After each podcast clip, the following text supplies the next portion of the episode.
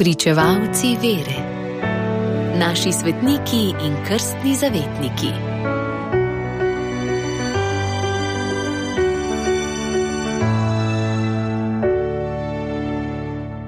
Danes zgoduje sveti Andrej Korzini, karmeličan in škof v mestu Fiesole v Italiji. Umrl je leta 1373. Njegova življenjska zgodba potrjuje resnico, da se razvajanje otrok maščuje tudi pri najboljših starših. Andrej je bil prvi otrok pobožnih zakoncev Nikolaja in Peregrine iz mogočne družine Korzini v Firencah. Rodil se jima je po dolgih letih zakona kot otrok za obljube, da bosta prvega otroka darovala Bogu. Svojega prvorojenca, za njim sta dobila več otrok, sta pretirano razvajala, tako da je postajal trmast, kljubovalen in samopašen. Oče in mati sta ga krotila, on pa se jima je upiral in se jima posmehoval.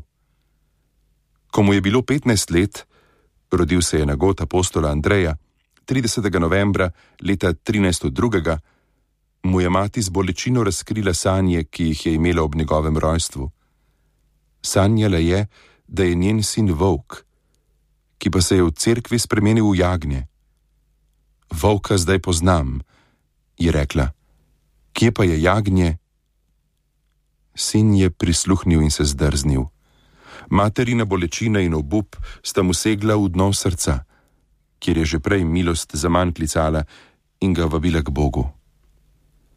Andrej je z junaško odločnostjo presekal svoje stare navade, pohitev je v cerkev pred Marino podobo in iskal pomoči tam, kjer sta ga bila oče in mati posvetila Bogu.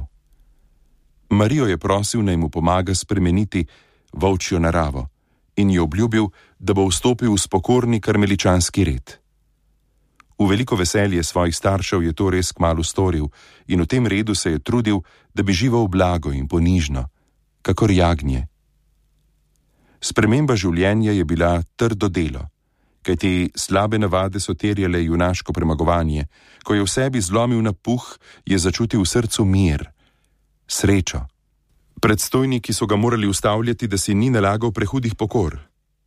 Po opravljenih bogoslovnih študijih je bil posvečen v duhovnika, novo mašo pa je opravil na tihem, daleč od svojega sorodstva, ki mu je hotelo pripraviti razkošno slavje.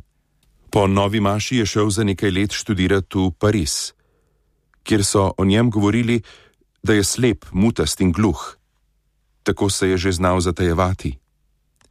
Po vrnitvi v Firence je postal predstojnik samostana. Leta 1349 pa je bil Andrej Korzini imenovan za škofa v mestu Fiesole. Odgovorne službe se je sprva branil, potem pa jo je zvesto vršil vse do svoje smrti.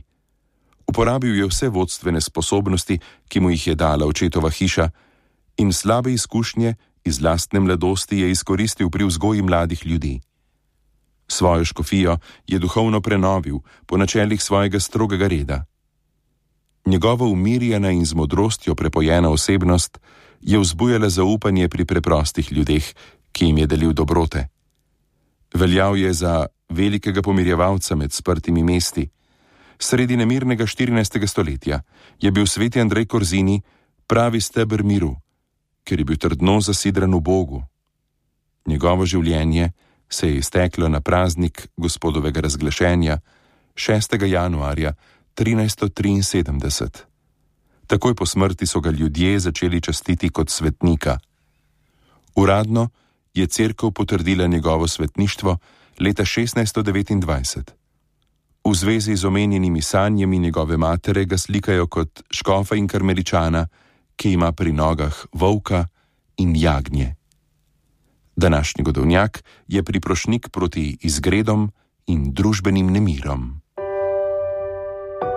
Radio Ognišče, vaš duhovni sopotnik.